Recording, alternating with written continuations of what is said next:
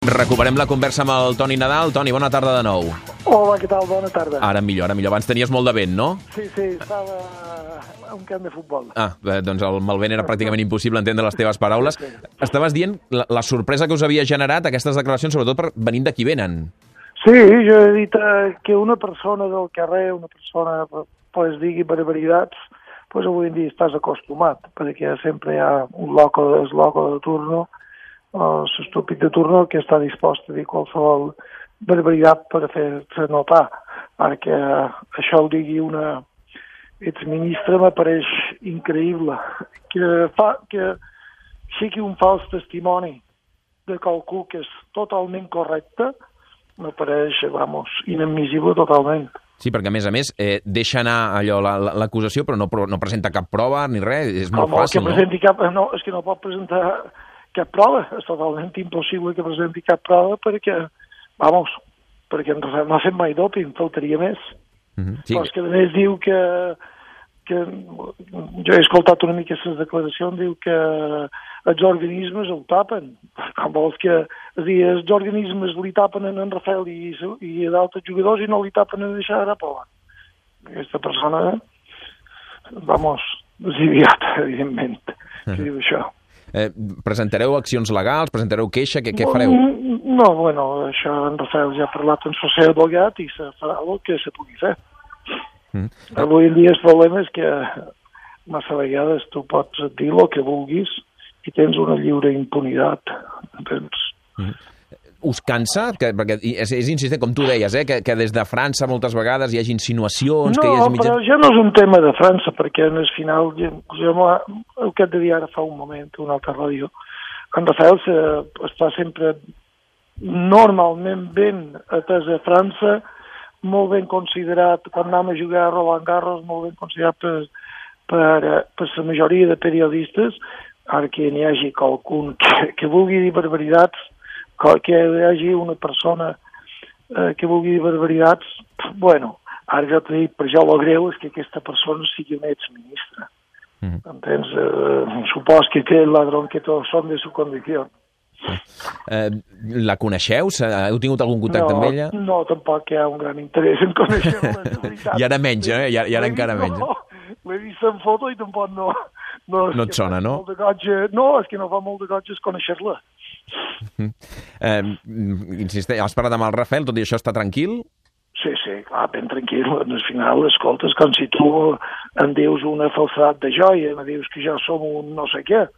Bueno, pues, pensa el que vulguis. Una altra cosa és que si puc anar en compte teva i miré, però si no, si tu ets tan indecent de dir això, pues perfecte. Mm. Uh, cada qual en la seva consciència.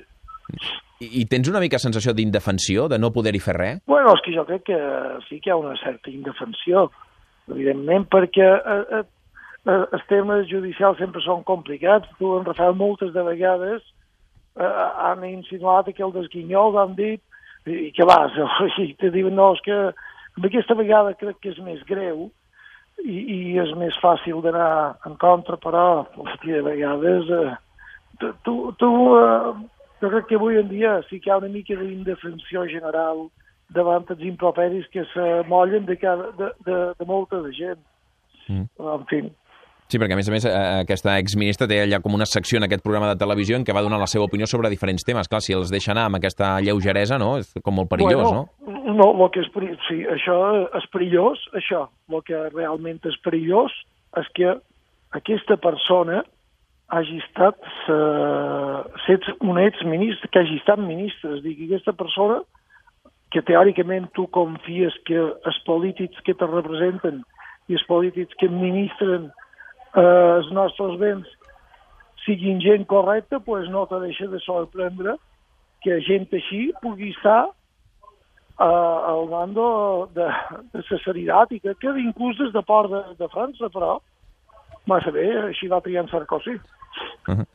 Um, bé, doncs, eh, escolta'm, no vull tampoc preguntar més perquè queda molt clar que esteu força molestos amb aquestes declaracions, òbviament, i que a més a més hem sentit també el, el Rafa des d'Indian Wells dient que ell no ha de demostrar res perquè ja ho demostra cada temporada passant els controls d'antidopatge que li fan passar i eh, que ha quedat Però demostrat. Però diré una cosa, eh, en Rafael, a part de, de que passa un control i sigui incapaç de fer-ho, per, per això és que per ètica personal, malgrat no passar els controls, tampoc es doparia. Entens? No és un tema de dir, no, és que jo no m'adop perquè hi ha controls. No, jo no m'adop perquè som una persona correcta i perquè sé que això està mal fet. És a dir, que en Rafael no, no necessita que hi hagi controls perquè, per no aparèixer. Entens? Sí, sí. Té un suficient eh, correcció dins la vida com per, eh, per actuar correctament. I el que és estrany, el que jo me sorprèn sempre, és que la gent que coneix en Rafael sap de la seva actuació correcta, sap de dins i fora de, de, del camp, no? I Mm. dius, ostres, és curiós que tantes de vegades se fiquin amb ell, però en fi, En fi, doncs, eh, això, eh, allò, que passem... faci cada qual el que vulgui. Exacte, i parlem amb els vostres advocats a veure si s'hi pot fer alguna cosa o no, a veure què és el que, el que us recomanen. Per cert, està Indian Wells eh, Sí. a punt per, per, fer, per fer torneig. La temporada passada va acabar, semblava que, que millor, aquesta ha, ha tornat a, a començar amb una mica d'irregularitat. Com sí, està? la veritat és que no hem començat eh, massa bé, havíem entrenat i havíem jugat a final d'any bastant bé, però eh, la derrota d'Austràlia pues, mm, li va afectar una mica, o ens va afectar una mica, però jo crec que, bueno, eh, crec que confi, vull, vull confiar que la temporada anirà bé. Mm -hmm. Esperem que sigui així. Una altra cosa és arribar al nivell de Djokovic, que no sé si això és possible o no, perquè la veritat és que està al Avui nivell... en dia crec que és molt difícil per qualsevol, quasi impossible arribar al seu nivell, està travessant un moment de joc molt bo i és, és bastant millor que tots els altres en aquests moments.